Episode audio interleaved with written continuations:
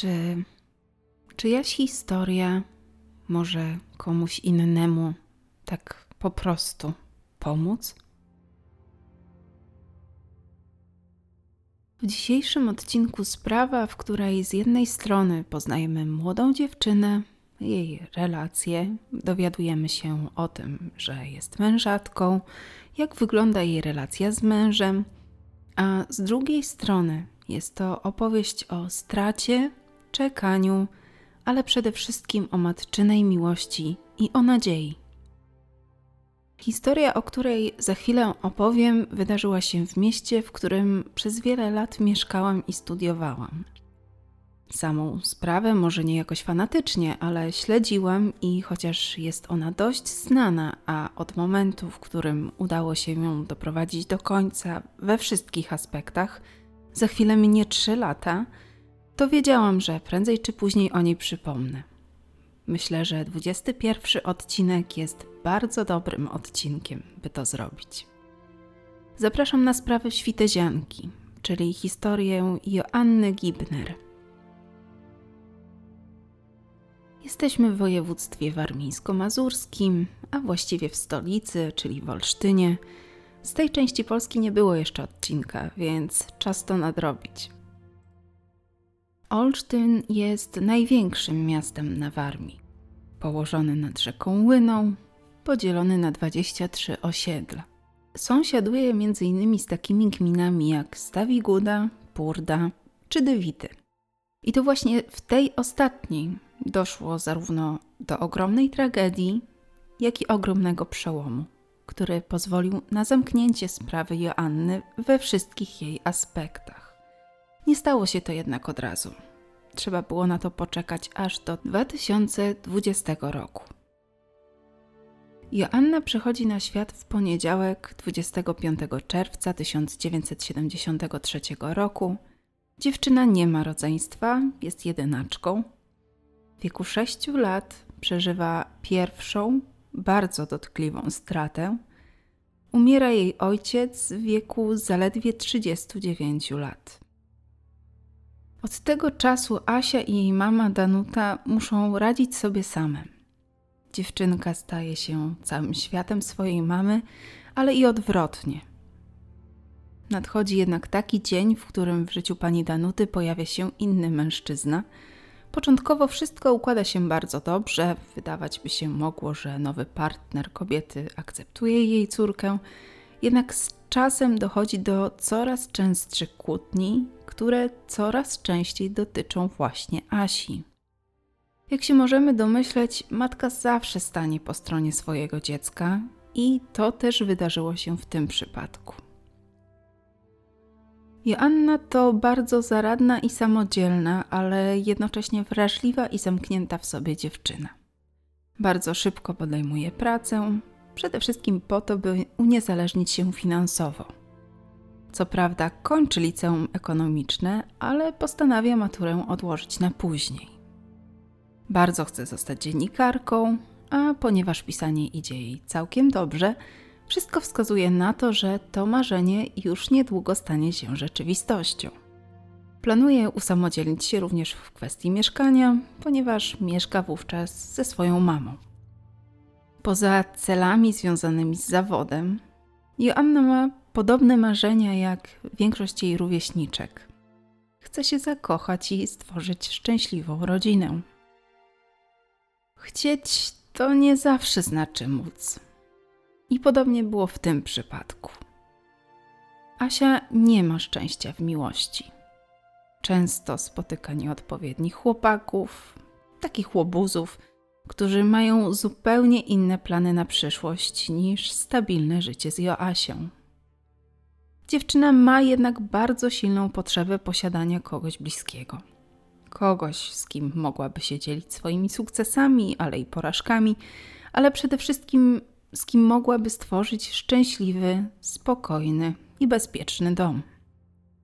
Poza tym jest to czas, w którym wiele jej koleżanek się zaręczyło, wzięło ślub, co tylko dodatkowo nasila tą potrzebę. Jest 1996 rok. Pewnego wieczoru Joanna wraz z koleżanką wybierają się na dyskotekę. Frekwencja dopisuje, wiele osób pojawiło się w tym miejscu, wielu z nich Asia zna lub przynajmniej kojarzy. W pewnym momencie jednak w towarzystwie, w którym się bawi, pojawia się chłopak o imieniu Marek. Zostają sobie przedstawieni. Okazuje się wtedy, że Marek jest o dwa lata młodszy od Joanny. Mieszka niedaleko Olsztyna, w Dywitach. Dziewczyna jest nim zafascynowana. Chłopak wyraźnie jej imponuje. Chociaż nie skończył szkoły zawodowej, wydaje się być samodzielnym i poukładanym facetem, który mimo tego, że ma zaledwie 21 lat, wie czego chce od życia, a chce wziąć ślub i założyć rodzinę. Jest to chłopak, który idealnie wpisuje się w ówczesne oczekiwania Joanny. Mają taki sam pomysł na dalszą przyszłość, oboje patrzą w tym samym kierunku, zaczynają się więc spotykać, a już po kilku tygodniach się zaręczają. Dzieje się to w czerwcu 1996 roku. Wiele osób nie kryje zaskoczenia faktem, że tak poważne decyzje podejmowane są tak szybko. Wielu nawet odradza dziewczynie ślub, w tym również jej mama, która nie darzy chłopaka zaufaniem, ale podejrzewa również to, że nadużywa on alkoholu. Joanna nie chce jednak słuchać. Przecież znalazła partnera, z którym może zrealizować swoje największe marzenie czyli mieć własny dom i lepsze życie, więc według niej nie ma na co czekać. Joanna bardzo szybko zmienia miejsce zamieszkania. Niedługo po zaręczynach przeprowadza się do Marka.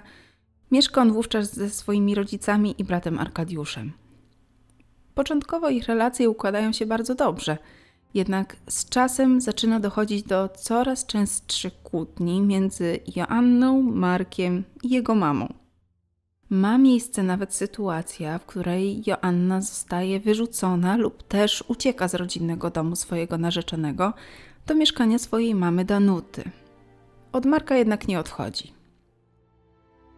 Dziewczyna niedługo po zamieszkaniu w Dywitach orientuje się, że rodzina Marka jest bardzo zadłużona. Ma nawet podejrzenia, że jego matka wyłudziła kredyt.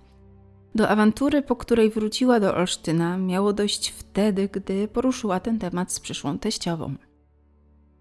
Kilka dni po powrocie czy też ucieczce w drzwiach mieszkania pani Danuty z bukietem kwiatów staje Marek. Przeprasza Joannę, obiecuje, że sytuacja się więcej nie powtórzy. Joanna wybacza. Na tydzień przed ślubem pani Danuta postanawia wynająć przyszłym nowożeńcom mieszkanie. Płaci nawet za czynsz na rok z góry. Znajduje się ono w jednej z kamienic na terenie Olsztyna, nie jest jednak w jakimś spektakularnym standardzie. Widać, że mieszkanie wymaga remontu, brakuje mebli, jednak dla Joanny i Marka liczyło się tylko to, że mają wreszcie swoją prywatną przestrzeń. Młodzi zaczynają się więc urządzać. W międzyczasie dziewczyna zabiera z domu kilka mebli i sprzętów. Jest 24 sierpnia 1996 roku, czyli wielki dzień dla Joanny.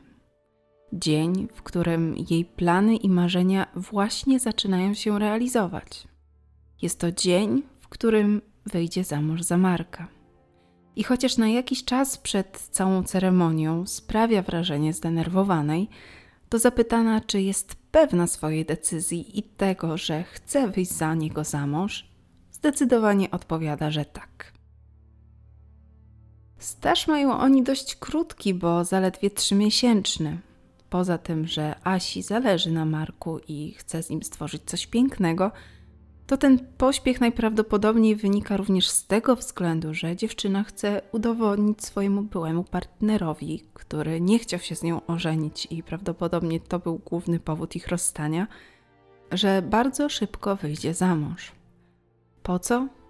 Ciężko stwierdzić, ale może chodzi też o udowodnienie sobie samej, że jest się wystarczającą, by zostać żoną?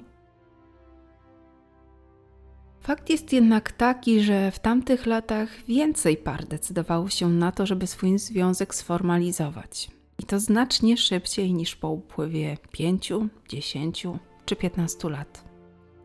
No może nie aż tak szybko jak Marek i Joanna, ale dzisiaj tak długi staż bez ślubu mało kogo dziwi. Kiedyś było to dość kontrowersyjne, a w małych miejscowościach czy na wsi wręcz nie do przejścia. Kolejna sprawa to to, że niewiele par miało możliwość zamieszkania ze sobą przed ślubem. W swoim mieszkaniu, czy nawet u jednych czy drugich rodziców, zapewne zdarzały się takie przypadki, ale dzisiaj wspólne życie, sprawdzanie, jak wygląda wspólna szara codzienność, zanim dojdzie do ślubu, to nie chcę mówić, że pewnego rodzaju normalność, ale coś w tym jednak jest. Wracając do dnia ślubu i tego, co się działo później.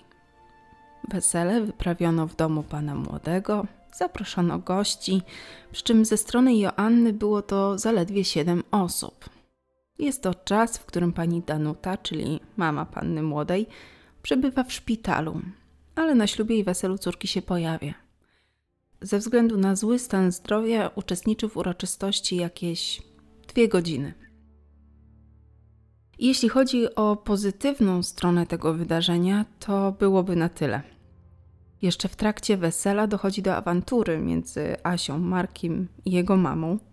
Ma ona dotyczyć tego, że rodzina panny młodej nie uczestniczy w weselu, że nie zwrócą oni kosztów tej uroczystości, lub tego, że najbliżsi Marka degustowali alkohol przeznaczony na przyjęcie weselne jeszcze przed uroczystością. Tu znalazłam kilka różnych wersji. Nie jest to jednak wymiana kilku ostrzejszych zdań czy niezgodność co do pewnych kwestii. Okazuje się, że Joanna zostaje wówczas pobita.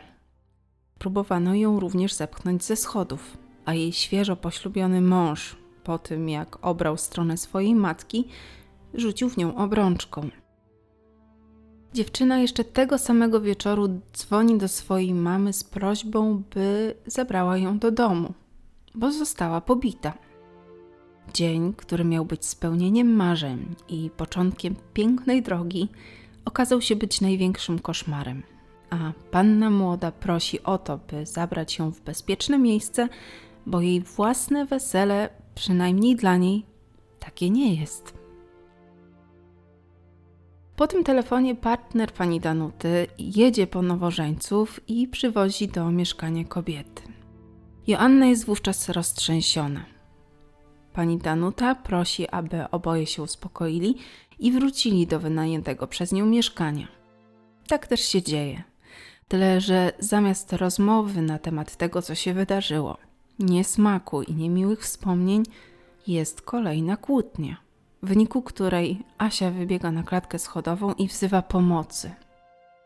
Już w noc poślubną Marek ją dusi. Jakimś cudem udaje jej się wyswobodzić z uścisku, natomiast w wyniku krzyku i wzywania przez nią pomocy, Marek ucieka. Następnego dnia, czyli w niedzielę, dziewczyna przyjeżdża do swojej mamy.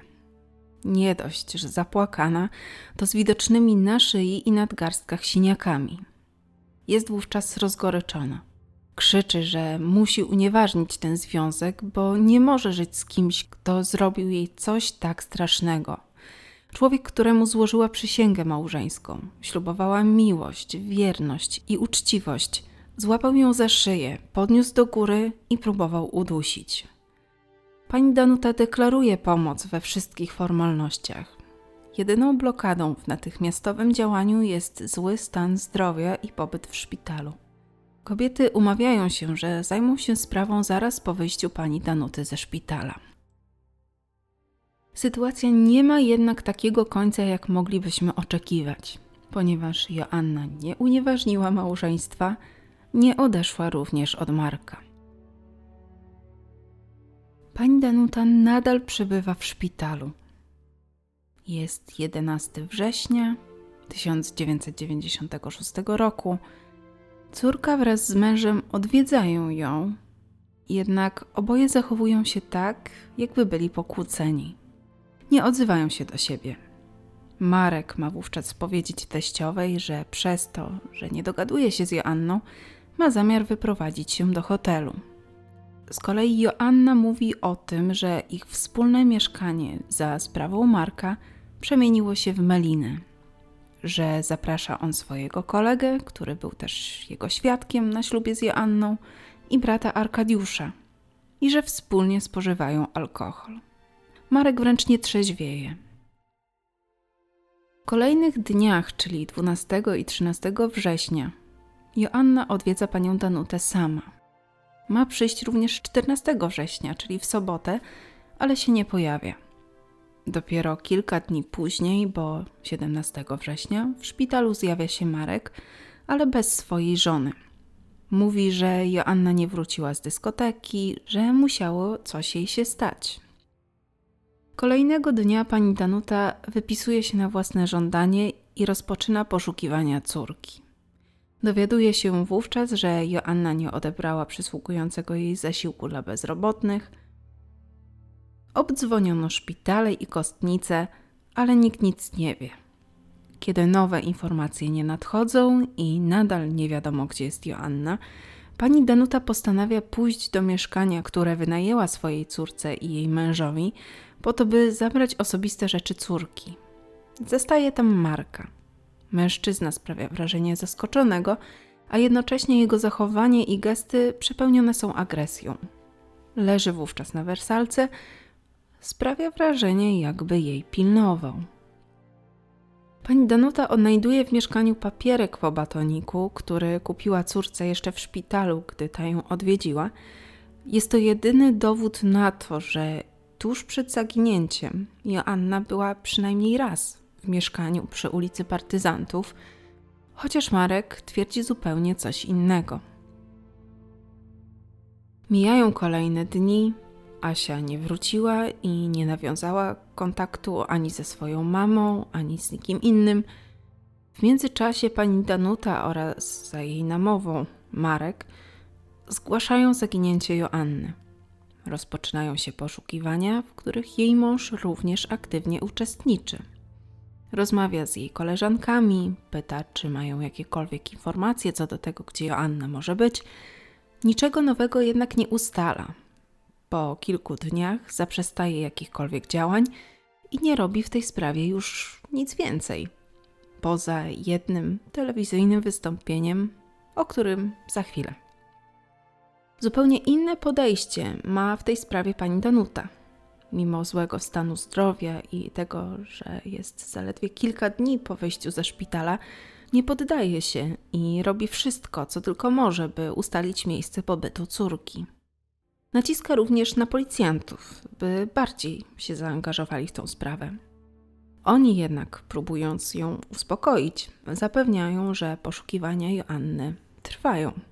Sugerują również kobiecie powrót do domu i odpoczynek. Kiedy działania policji nie przynoszą efektów, a to, co do tej pory zostało wykonane, nie przyczyniło się do odnalezienia Joanny, miesiąc później, czyli w październiku 1996 roku, pani Danuta korzysta z pomocy jasnowidza z Człuchowa.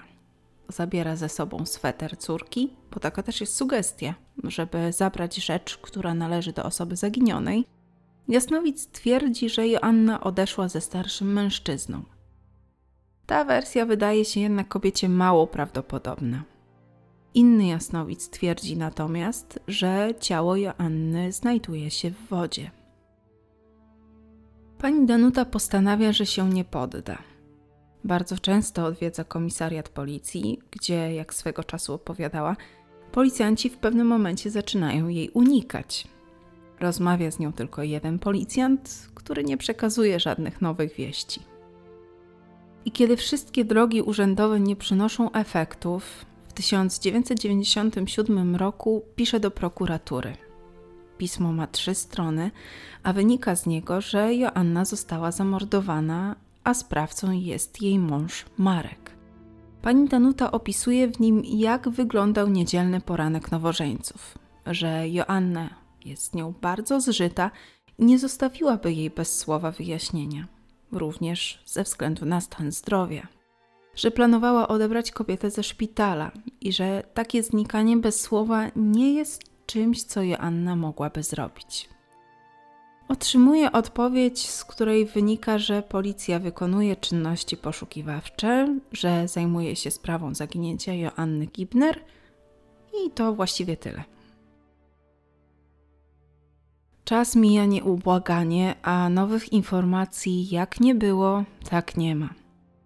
Kolejną szansą na wyjaśnienie tej sprawy może być jej nagłośnienie w programie telewizyjnym.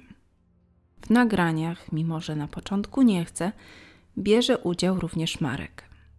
Głównym powodem, dla którego się na to decyduje, jest zakończenie dalszego plotkowania sąsiadów o tym, że to on odpowiada za zniknięcie żony, że to on zrobił kobiecie krzywdę.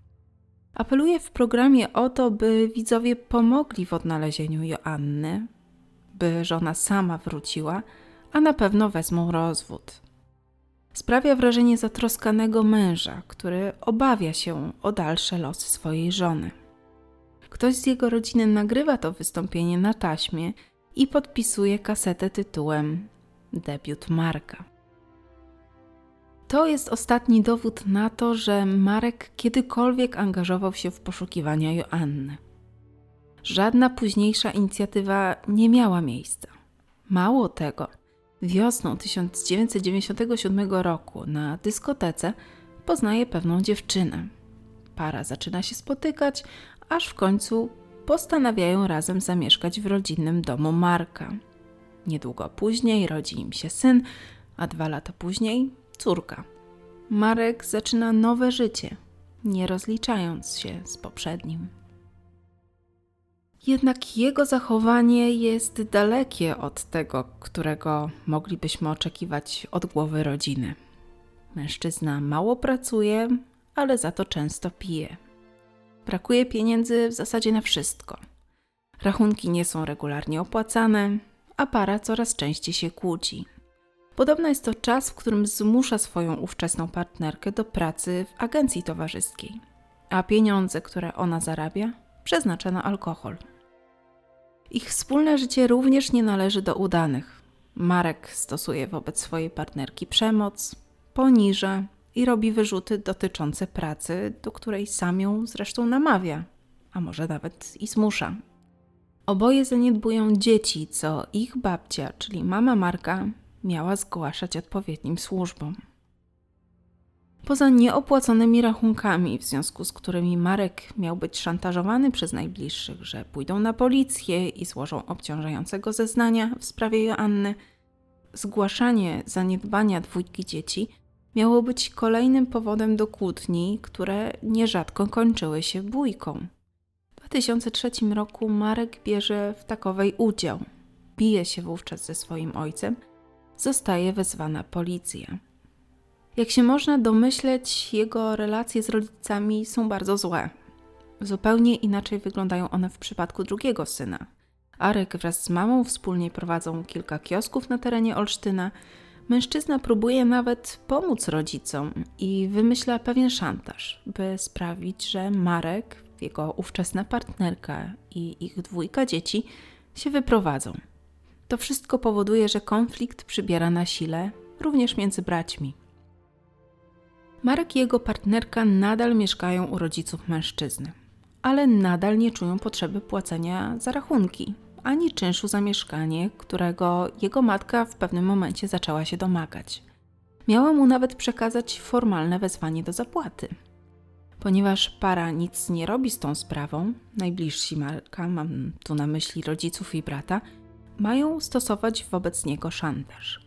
Warunek jest taki, że aby prawda w sprawie Joanny nie wyszła na jaw, Marek wraz ze swoją konkubiną i dwójką dzieci muszą się wyprowadzić.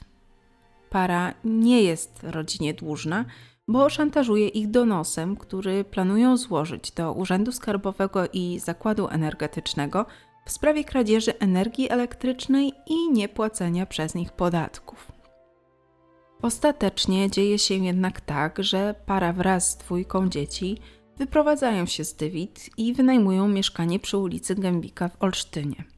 Dzieje się tak po tym, gdy Marek otrzymuje list dotyczący nieopłaconych przez niego rachunków za prąd, ale nie tylko. Poza tym, że w liście porównani są do złodziei, to jego druga część jest zdecydowanie bardziej intrygująca, gdyż dotyczy Joanny. Jest w nim informacja o tym, że morderca zwierzył się z tego, gdzie ukrył jej ciało. Miała być do niego dołączona mapka z okolicą jeziora Dewickiego. Nadawcą miał być właśnie Arkadiusz. Oprócz tego, że relacje Marka z jego rodzicami i bratem tak bardzo się pogorszyły, to relacje z ówczesną konkubiną wcale nie są lepsze. We wrześniu 2003 roku ówczesna partnerka Marka składa zawiadomienie o popełnieniu przestępstwa. Kobieta twierdzi, że w trakcie rozmowy jej ówczesny partner przyznał się do tego, że zamordował swoją żonę. Do rozmowy i przyznania się do winy miało dojść po tym, gdy otrzymali wspomniany wcześniej list od Arkadiusza. Kilka godzin później para spożywa alkohol, a po upływie pewnego czasu kobieta podejmuje rozmowę dotyczącą zaginionej żony Marka. Pyta go wówczas o to, gdzie aktualnie przebywa Joanna i co tak naprawdę się z nią dzieje. W trakcie tej rozmowy Marek przyznaje się do tego, że żonę udusił. Rozmowa przebiega spokojnie, ale tylko ta pierwsza, ponieważ kiedy jakiś czas później temat Joanny wraca, Marek reaguje agresją. Grozi, że zrobi swojej konkubinie to samo co Joannie. Kobieta po prostu się go boi, wie do czego jest zdolny. Był to impuls do tego, by pójść na policję i złożyć zeznania go obciążające. Działanie kobiety okazało się być nieocenione w dalszych działaniach w sprawie Joanny Gibner. Po siedmiu latach od jej tajemniczego zniknięcia, czyli 17 września 2003 roku, Marek W. zostaje aresztowany. Przybywa wówczas w domu swoich rodziców, jednak kiedy słyszy, że pojawiła się w nim policja i to w jego sprawie, zamyka się w mieszkaniu. Wcześniej jednak podłącza kable pod napięciem do klamki w drzwiach wejściowych i chowa się w tapczanie. Funkcjonariusze znajdują go bez najmniejszego problemu, ale zatrzymanie nie należy do najłatwiejszych, ponieważ Marek stawia opór, reaguje agresywnie. Zawieziono go na przesłuchanie, a jego brata Arkadiusza jeszcze tego samego dnia zatrzymano. Obaj usłyszeli zarzut. Pięć dni po zatrzymaniu Marek zgłasza się do lekarza na obdukcję. Składa doniesienie, że został pobity przez funkcjonariuszy w czasie zatrzymania. Postępowanie jednak umorzono, ponieważ nie było dowodów, że przestępstwo zostało popełnione. Sąd uznał, że obrażenia mogły powstać wtedy, gdy stawiał opór w trakcie zatrzymania lub wtedy, gdy pobił się ze swoim ojcem. Marek W., kiedy przebywa w areszcie, próbuje również odebrać sobie życie. Jednak sąd ocenia to jako demonstrację. Wracając jednak do przesłuchania. Marek w spokojny sposób składa obszerne wyjaśnienia, nie wykazuje żadnych emocji, Odpowiada na pytania, jednocześnie opisując dzień, w którym Joanna zaginęła, czyli dzień, w którym odebrano jej życie. Z jego zeznań wynika, że był to pochmurny wrześniowy dzień. Joanna nie nocuje tej nocy w domu. Do mieszkania przy ulicy Partyzantów 12 wraca po południu. Czeka tam na nią Marek. Miał tego dnia stracić pracę na budowie.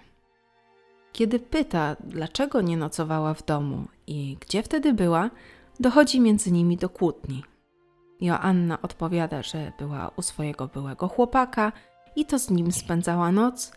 Miała zasugerować wówczas mężowi, że do niczego się nie nadaje, że nie jest dobrym mężem, a tym bardziej kochankiem, że woli spędzać czas z byłym chłopakiem a małżeństwo z Markiem to największa porażka jej życia. Poza tym wszystkim dochodzą jeszcze kwestie związane z tym, że jest on w stosunku do niej agresywny, nie ma stałej pracy i nadużywa alkoholu. Mówiąc to wszystko, miała mu się śmiać prosto w twarz. Marek wścieka się jeszcze bardziej. Poza ostrą wymianą słów, dochodzi między nimi do szarpaniny. Upadają na łóżko. Wszystko dzieje się bardzo szybko. Marek nie potrafi wyjaśnić, dlaczego złapał dziewczynę za szyję i zaczął ją dusić. Joanna drapała męża po szyi, próbowała się wyrwać, broniła się. Wszystko trwało nie dłużej niż półtorej minuty. Kiedy zorientował się, co zrobił i że dziewczyna nie reaguje, miał ją cucić i klepać po twarzy. Kiedy nie dawała żadnych oznak życia, usiadł obok niej i zaczął jej się przyglądać, po czym włożył jej ciało do worka i schował w wersalce. W tej samej, którą wraz z kilkoma innymi rzeczami na jakiś czas przed ślubem Joanna zabrała z rodzinnego mieszkania. Marek nie wzywa ani policji, ani pogotowia. Boi się odpowiedzialności karnej. Po wszystkim dostrzega porozrzucane w mieszkaniu rzeczy. Widzi, że panuje w nim spory bałagan. Wtedy pojawia się w nim silna potrzeba doprowadzenia mieszkania do porządku, więc zaczyna sprzątać. Układa wszystkie rzeczy na swoje miejsce, myje podłogę, wstawia pranie. Jeszcze przez chwilę przebywa w mieszkaniu, ale wreszcie postanawia pojechać do swojego brata Arkadiusza po poradę. Jest już wieczór. Marek wsiada w autobus numer 12 i udaje się do brata. Mówi mu, co się wydarzyło, i obaj zastanawiają się, co dalej. Debatują nad miejscem, które pozwoliłoby na ukrycie Joanny tak, aby nikt jej nigdy nie znalazł. Pojawił się pomysł, że najodpowiedniejsze ku temu będzie jezioro. Zanim jednak plan wszedł w życie, minęło kilka dni. Ciało Joanny nadal ukryte jest w wersalce, jednak w pewnym momencie Marek przewozi je na posesję swoich rodziców i umieszcza w kanale garażowym. Mijają kolejne dni. Był to czas, w którym Arek organizował ponton, który miał być niezbędny do tego, co zamierzali zrobić. Marek umieszcza ciało żony w torbie, a ponieważ nie mieści się w całości, układa je w taki sposób, że kolana leżą na klatce piersiowej. Żeby zamknąć pakunek, dociska ciało Joanny i w efekcie łamie żonie kości. Dla pewności, że ciało nie wypłynie, dorzuca jeszcze kilka cegieł, a całość dociąża złomem i częściami do samochodu. Worek wiąże sznurkiem, po czym całość umieszcza w bagażniku pojazdu. Do ukrycia zwłok bracia wybierają jezioro Dywickie, miejsce bardzo dobrze im znane, które odwiedzali już jako dzieci. Wieczorem, około godziny 20, udają się na jedną z plaż. Marek rozbiera się na brzegu i wchodzi do środka pontonu. Worek z ciałem żony kładzie sobie na kolanach i wypływa na jezioro. Wcześniej jednak przyczepia do pontonu linę, tak aby brat z łatwością mógł go ściągnąć na brzeg. Kiedy Marek jest już w odległości około 50-70 metrów od brzegu, wrzuca ciało Joanny do wody. Po wszystkim przy pomocy Arkadiusza wraca na plażę, a następnie jakby nigdy nic ubiera się i obaj panowie jadą na piwo do tego samego lokalu, w którym Marek poznał Joannę. Także po tych kilku latach wszystko stało się jasne. Nagle wszystkie elementy układanki wskoczyły na swoje miejsce. Wiadomo już było, że Joanna na pewno nigdzie nie wyjechała bez słowa, nie opuściła swoich najbliższych, nie wyjechała ze starszym mężczyzną. Joanna nie żyła. Kiedy Marek W. zorientował się, że ciało Joanny nadal nie zostało odnalezione i brakuje namacalnych dowodów jego winy, postanowił mataczyć. Tworzył kolejne wersje wydarzeń, które miały coraz bardziej odsuwać od niego podejrzenia, tak naprawdę dowieść, że ze śmiercią Joanny nie ma on nic wspólnego. Próbował zrzucić winę na swoją mamę i brata, jakoby wersja, o której opowiedział, była przez nich wymyślona i mu wmówiona. A tak w ogóle cała ta historia to efekt ich bujnej wyobraźni. Miał jedynie powtórzyć swojej konkubinie plotki, by zaspokoić jej ciekawość dotyczącą dalszych losów jego żony Joanny. W jeszcze innej wersji całą winę zrzucił na swojego znajomego, Był to mężczyzna, który często bywał w mieszkaniu Joanny i Marka, i to właśnie z nim i z Arkadiuszem spożywali alkohol. Marek twierdził, że sprawcą jest właśnie on, a zazdrości pozbawił życia Joanny. Twierdził, że było między nimi kiedyś uczucie, że tworzyli związek, jednak ze strony tego mężczyzny nie był to zamknięty rozdział. Według zeznań Marka mieli oni się spotykać przez kilka lat. W międzyczasie umawiali się na randki z dziewczynami, aby nie wzbudzać podejrzeń. Romans miał się zakończyć wtedy, gdy Marek poznał Joannę. Stwierdził, że jest to bardzo dobry czas na małżeństwo i na dzieci. Jego ówczesny partner miał znieść to bardzo źle, natomiast kiedy Joanna zaginęła, miał Marka pocieszać i mimo, że był wówczas żonaty, jego uczucia w stosunku do mężczyzny przybrały na sile.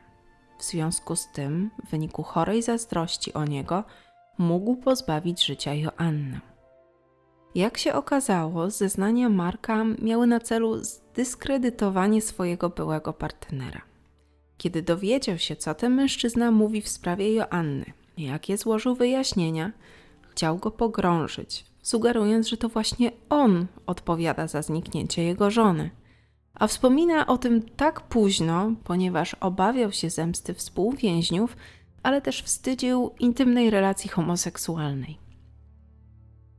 W jeszcze innej wersji twierdził, że Joanna po prostu zaginęła. Później jednak przedstawił wersję, jakoby żona go porzuciła i wyjechała za granicę. Twierdził, że w małżeństwie dochodziło do kłótni, których zarzucał żonie, że nie zajmuje się domem, nie sprząta i nie gotuje, ale bardzo ją kocha, a poza tymi sprzeczkami ich związek należy do udanych i Joanna ma z nim bardzo dobrze. Tak dobrze, że lepiej się nie da. Okazało się, że ta pierwsza wersja opisywała najwięcej szczegółów i była tą właściwą. Przeprowadzono również wizję lokalną, w trakcie której Marek W. opisał cały przebieg wydarzeń. Na nagraniach nie widać, aby się stresował, ze spokojem opowiada o tych wydarzeniach. Podchodzi do tego w sposób zadaniowy. W międzyczasie wydano o Marku opinię sądowo-psychiatryczną, z której wynikało, że nie ma on objawów choroby psychicznej ani niedorozwoju umysłowego. Stwierdzono jednak u niego nieprawidłową osobowość, niedostatek uczuciowości wyższej, zaburzenia w sferze emocji oraz woli, obniżony wgląd we własną osobowość, obniżony krytycyzm, postawę aspołeczną, doraźne zaspokajanie swoich potrzeb bez zważania na konsekwencje. W trakcie popełniania morderstwa miał pełną zdolność rozpoznania znaczenia swoich czynów i pokierowania swoim postępowaniem sprawność umysłowa w granicach normy, dysponujący dobrym intelektem, wysoką inteligencją oraz sprawną funkcją postrzegania. Na większość sytuacji reagował spokojem, jednak jego zachowanie zmieniało się wówczas, gdy pojawiały się obciążające go dowody. Cały czas stawiał się w roli ofiary, a nie oprawcy. Twierdził, że funkcjonariusze się nad nim znęcali, wymuszali zeznania, a on w zasadzie to niczego złego nie zrobił. Między innymi na podstawie zeznań Marka rozpoczęto poszukiwania. Dno jeziora Dywickiego przeszukano kilkanaście razy w różnych odstępach czasowych. Brali w nich udział wyspecjalizowani płetwonurkowie, najpierw z Powiatowej Straży Pożarnej i Komendy Miejskiej Policji w Olsztynie, później z marynarki wojennej. Wykorzystano specjalistyczny sprzęt niezbędny do nurkowania, ale też wykrycia metali. Ciała nie odnaleziono. Powodem mogły być panujące warunki, które były wówczas bardzo trudne, widoczność zaledwie na 30 cm, duże zamulenie, poza tym koszty, zaangażowanie najlepszych specjalistów, użycie specjalistycznego sprzętu. To wszystko kosztowało. I to nie mało. Pani Danuta, chcąc odnaleźć swoje jedyne dziecko, przeznaczała na ten cel niezbędne kwoty, jednak za którymś razem pieniędzy zaczęło brakować. Fundacja na tropie zorganizowała wówczas zbiórkę. Kolejne poszukiwania odbyły się w czerwcu 2019 roku. Wytypowano wtedy 53 różne punkty do sprawdzenia. Wykorzystano robota do poszukiwań podwodnych, dzięki któremu udało się odkryć najgłębszą na świecie jaskinię. Zakładano również, że poszukiwania będą o tyle trudne, bo na torbie może zalegać nawet kilkadziesiąt centymetrów mułu. Chociaż pojawiły się opinie, że przedmiotów jest zbyt wiele i nie da się ich wszystkich wydobyć na powierzchnię, że ciała Joanny prawdopodobnie w tym jeziorze już nie ma, bo albo uległo rozłożeniu, albo zwierzęta się nim zajęły, pani Danuta się nie poddawała.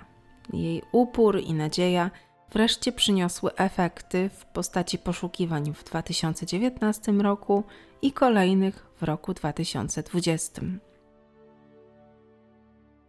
Co do skazania winnych, zostawała co prawda kwestia tego, że ciała nie udało się odnaleźć i że są pewne wątpliwości co do tego, jaki wyrok zapadnie. W tej sprawie slogan nie ma ciała, nie ma zbrodni zupełnie się na szczęście nie sprawdził. W czasie, w którym zarówno Marek, jak i Arkadiusz zostali zatrzymani, przesłuchano również rzekomego byłego partnera Marka. Miał on zeznać, że uczestniczył w przewiezieniu zwłok Joanny z Olsztyna do Dywit i że widział ciało dziewczyny ukryte w wersalce, a w czasie, gdy wymiotował, Marek wydobywał je z dotychczasowej kryjówki do torby. Joannę miał rozpoznać po kolorze włosów, posturze i fragmencie twarzy. Miał nawet mówić o drugich zwłokach, które widział w mieszkaniu Marka.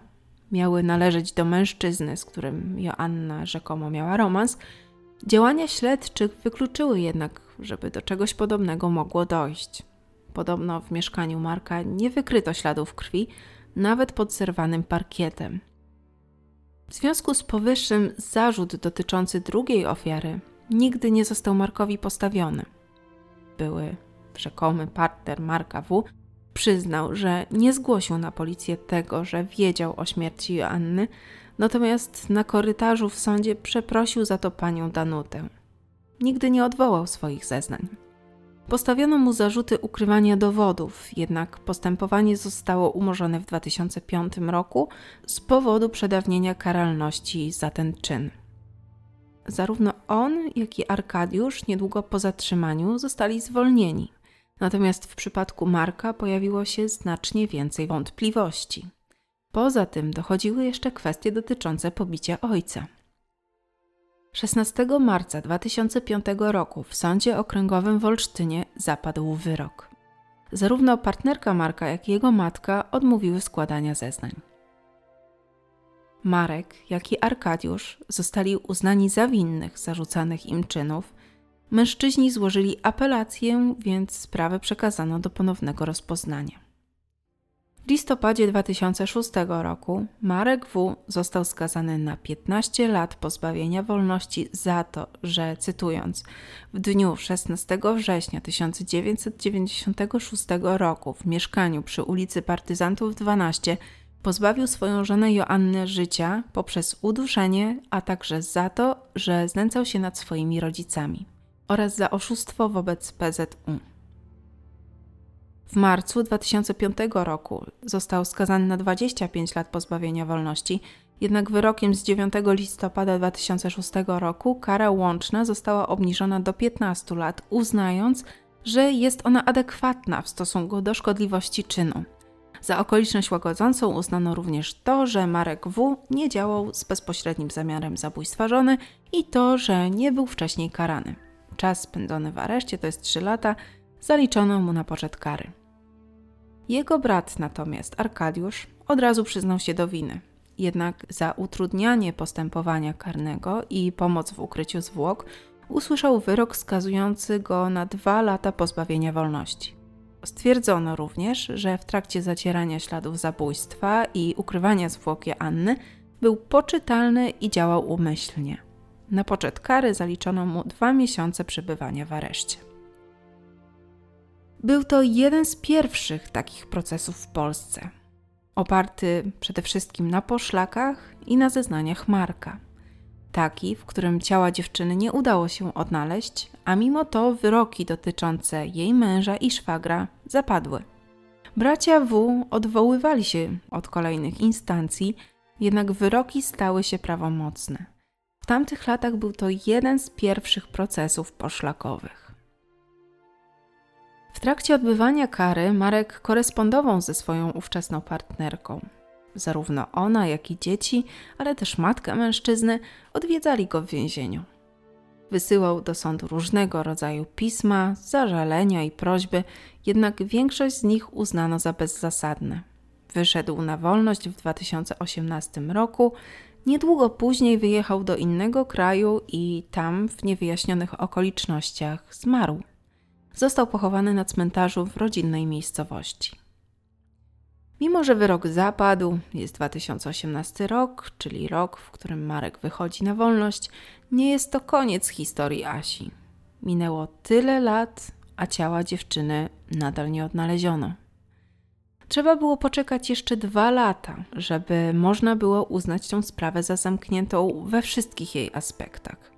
Pod koniec maja 2020 roku zorganizowano kolejne poszukiwania, tym razem na zlecenie Fundacji Na Tropie, która już rok wcześniej, niestety bez powodzenia, próbowała odnaleźć szczątki Joanny. Tym razem w poszukiwania zaangażował się Marcel Korkuś, mężczyzna, który ma na swoim koncie rekord Guinnessa w nurkowaniu wysokogórskim, zawodowo zajmujący się nurkowaniem w najbardziej ekstremalnych warunkach. Człowiek z dużym bagażem doświadczeń, ale i ogromną wiedzą. To jemu udało się odnaleźć poszukiwanego 3,5-letniego Kacperka. Była to swego czasu bardzo głośna sprawa. Mężczyzna zapoznał się z aktami sprawy, a na podstawie zgromadzonych informacji wyznaczył rejon poszukiwań. Zadanie nie należało do najłatwiejszych, ponieważ powierzchnia jeziora to ponad 18 hektarów. Maksymalna głębokość to około 7 metrów. Dodatkowo duże zamulenie, więc widoczność pod wodą też nie należała do najlepszych. Były miejsca, w których nie było widać w zasadzie nic. Mimo to działania zostały podjęte i 26 maja 2020 roku, po upływie kilku godzin, wrócił on na brzeg z informacją, na którą wszyscy czekali. Okazało się, że w trakcie poszukiwań jeden z magnesów zaczepił się o coś na dnie jeziora. Marcel Korkuś postanowił zidentyfikować przedmioty i dostrzegł sporych rozmiarów torbę, która obciążona była metalowymi elementami. Przez dziurę zauważył nawet cegłę. Torba znajdowała się około 40 metrów od brzegu na głębokości 3 metrów z pewnymi problemami, ale kolejnego dnia, czyli 27 maja, udało się wreszcie wydobyć pakunek na powierzchnię. Okazało się, że w środku była skórzana torebka, a w niej dezodorant, notes, długopis, szczotka do włosów, okulary i ubrania oraz ludzkie szczątki. W celu upewnienia się co do tożsamości i ustalenia, czy należą one do jednej osoby, wykonano badania DNA potwierdziły, że odnalezione szczątki należą do jednej osoby, czyli do Joanny Gibner. Okazało się, że mimo wcześniejszych twierdzeń, torba ze szczątkami Joanny nie znajdowała się w mule, a wręcz przeciwnie. Znaleziono ją na twardym, kamienistym dnie, co może dowodzić przede wszystkim temu, że wcześniejsze poszukiwania były przeprowadzone w sposób niedokładny pojawiły się opinie, że tak naprawdę zastosowanie podstawowych metod już w czasie pierwszych poszukiwań pozwoliłoby na odnalezienie Joanny. Pogrzeb Joanny Gibner odbył się miesiąc później, czyli 26 czerwca 2020 roku, na cmentarzu komunalnym przy ulicy Poprzecznej w Olsztynie. Została pochowana w rodzinnym grobie. Długo wyczekiwane zamknięcie tej sprawy wreszcie nastąpiło. Po tylu latach Joanna została godnie pochowana, z kolei jej mama otrzymała możliwość zarówno pożegnania się, ale też odwiedzania swoich najbliższych. Kwiaty, które przez wiele lat gromadziła w pokoju Joanny, bo przecież nie miała ich dokąd zanieść, wreszcie trafiły w odpowiednie miejsce. Chociaż w świetle prawa sprawa Joanny została zamknięta już dawno temu, bo sprawca został schwytany, a odpowiednie wyroki zostały zasądzone, to najbliżsi Joanny, a w szczególności jej mama, przez 24 lata oczekiwała na moment, w którym córka zostanie odnaleziona.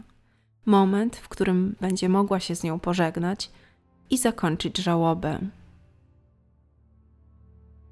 Okazało się również, że w sprawie Joanny popełnionych zostało bardzo wiele błędów. Najważniejszym było to, że morderca przez wiele lat funkcjonował na wolności, jak gdyby nigdy nic. Tylko i wyłącznie dlatego, że przyjęto wersję o wyjeździe czy też ucieczce Joanny za granicę. Marek miał możliwość rozpoczęcia nowego życia z inną kobietą, ale też wyjazdów. I właśnie taki wyjazd miał miejsce w 1998 roku. Mężczyzna pojechał do Niemiec, rzekomo w poszukiwaniu Joanny. Miał wówczas wysłać kartkę do pani Danuty z informacją, że szuka dziewczyny w różnych lokalach. Domy publiczne jednak omija, bo go na nie nie stać. Kolejne błędy związane były z akcjami poszukiwawczymi na jeziorze Dywickim. Ale fakt, że zarówno Marek, jak i Arkadiusz nie chcieli wskazać miejsca, w którym ciało zostało ukryte, też miało duże znaczenie. Pojawiły się przecież inne wersje i wskazywano zupełnie inne miejsca ukrycia zwłok, przez co już od początku śledczy mieli utrudnione zadanie. Poruszali się wśród tych wszystkich faktów prawie po omacku.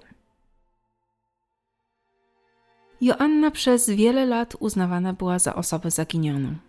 Przyjęto wersję o wyjeździe, czy raczej ucieczce. Była to dość sugestywna wersja.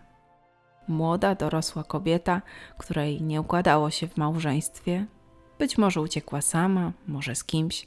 Zapewne jest bezpieczna i żyje w sobie spokojnie gdzieś za granicą, a najbliżsi niepotrzebnie się martwią.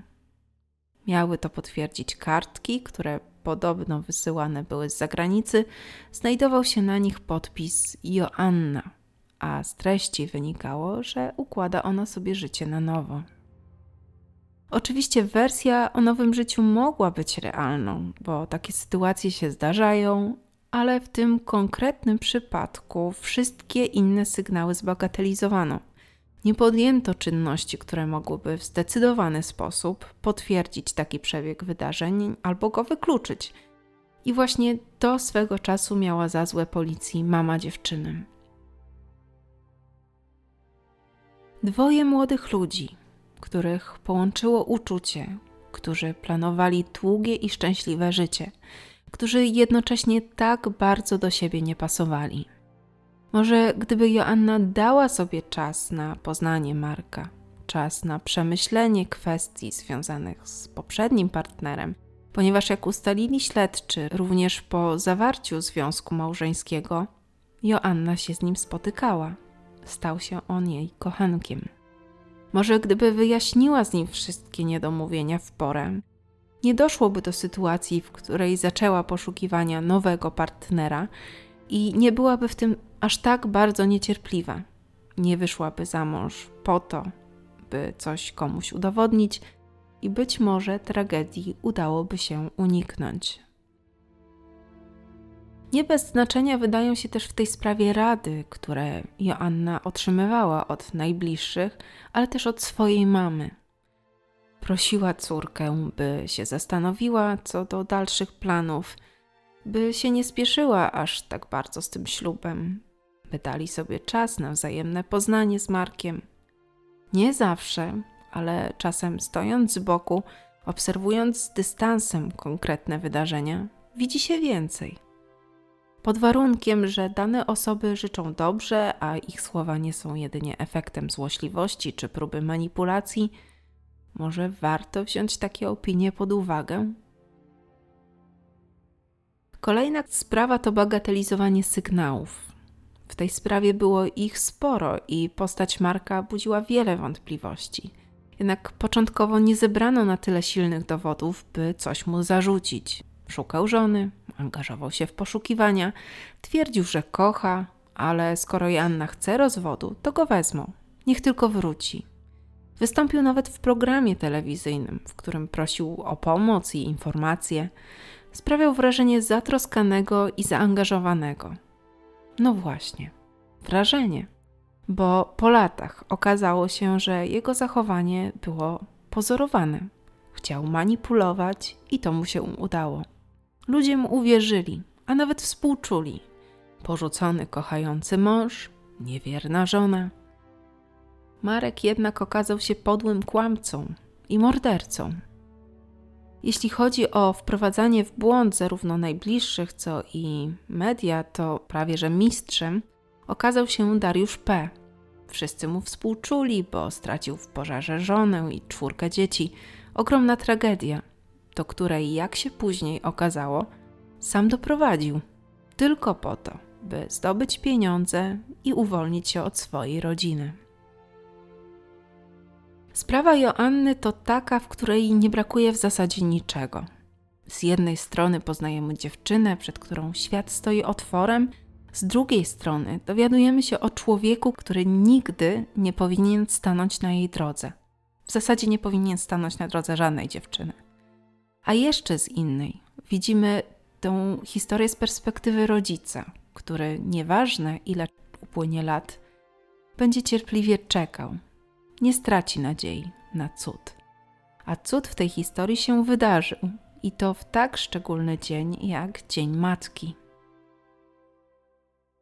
Kiedy przygotowywałam się do tego odcinka, pomyślałam sobie o tym, że owszem, historia Joanny skończyła się tragicznie, ale może się jeszcze ona do czegoś dobrego przyczynić.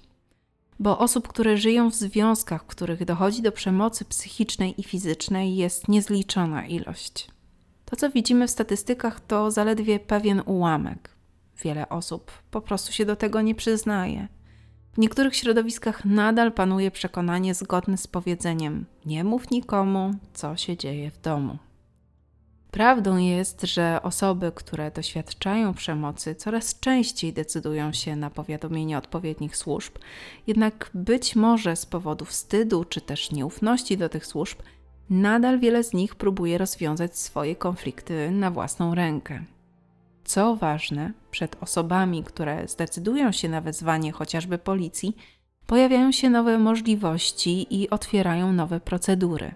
Jedną z nich jest procedura niebieskiej karty, której głównym celem ma być zapewnienie bezpieczeństwa osobie, której przemoc domowa dotyczy. Przypadku stwierdzenia, że w danym domu dochodzi do przemocy domowej, pierwszym etapem rozpoczynającym procedurę niebieskiej karty jest wypełnienie przez funkcjonariusza policji czy też inną osobę do tego uprawnioną odpowiedniego formularza.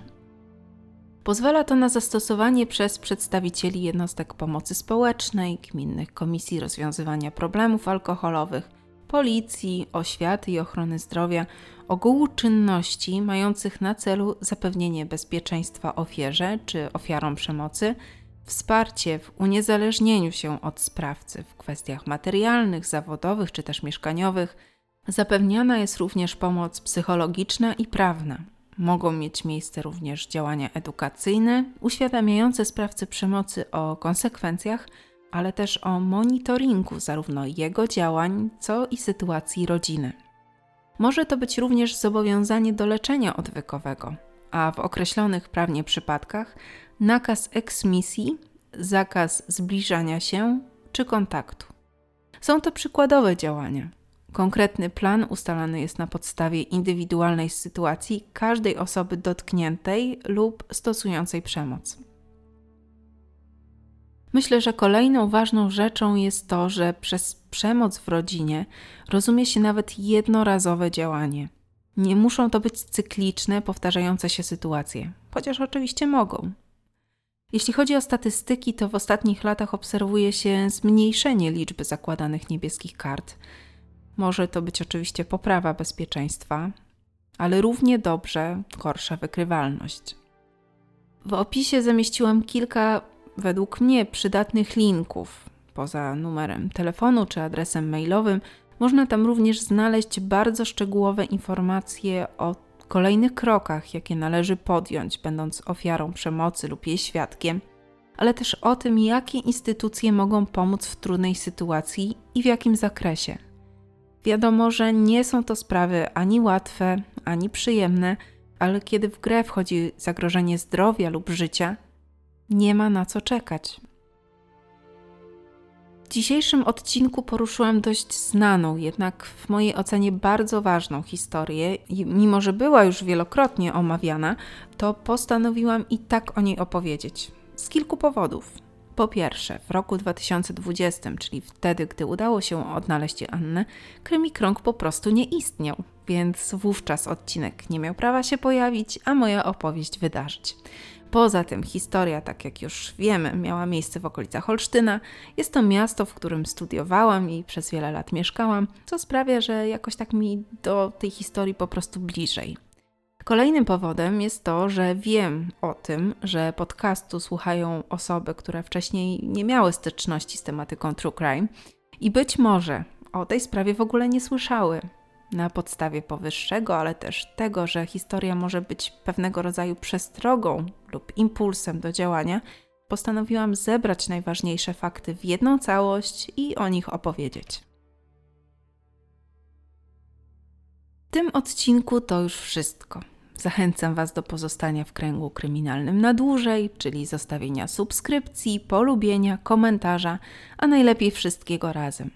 Przypominam o możliwości wspierania kanału, a także o profilach na Facebooku i Instagramie. Zachęcam również do udostępnienia tego odcinka komuś, kto być może potrzebuje pomocy, bo w stosunku do niego czy do niej stosowana jest przemoc. A nie chcecie mówić o tym, że widzicie i wiecie, co się dzieje wprost. Odpowiadając na pytanie zadane na początku, czy czyjaś historia może komuś innemu pomóc, to może się okazać, że to właśnie jest taki przypadek, że historia Joanny stanie się impulsem do tego, by jeśli nie uwolnić się od oprawcy, to przynajmniej dowiedzieć się o tym, jakie są możliwości, a przede wszystkim odzyskać poczucie, że nie jest się z tym wszystkim samemu. Odcinek powstał na podstawie ogólnodostępnych informacji, źródła jak zwykle w opisie. Czy zostaniesz kolejnym ogniwem kręgu? Do usłyszenia całkiem zaraz.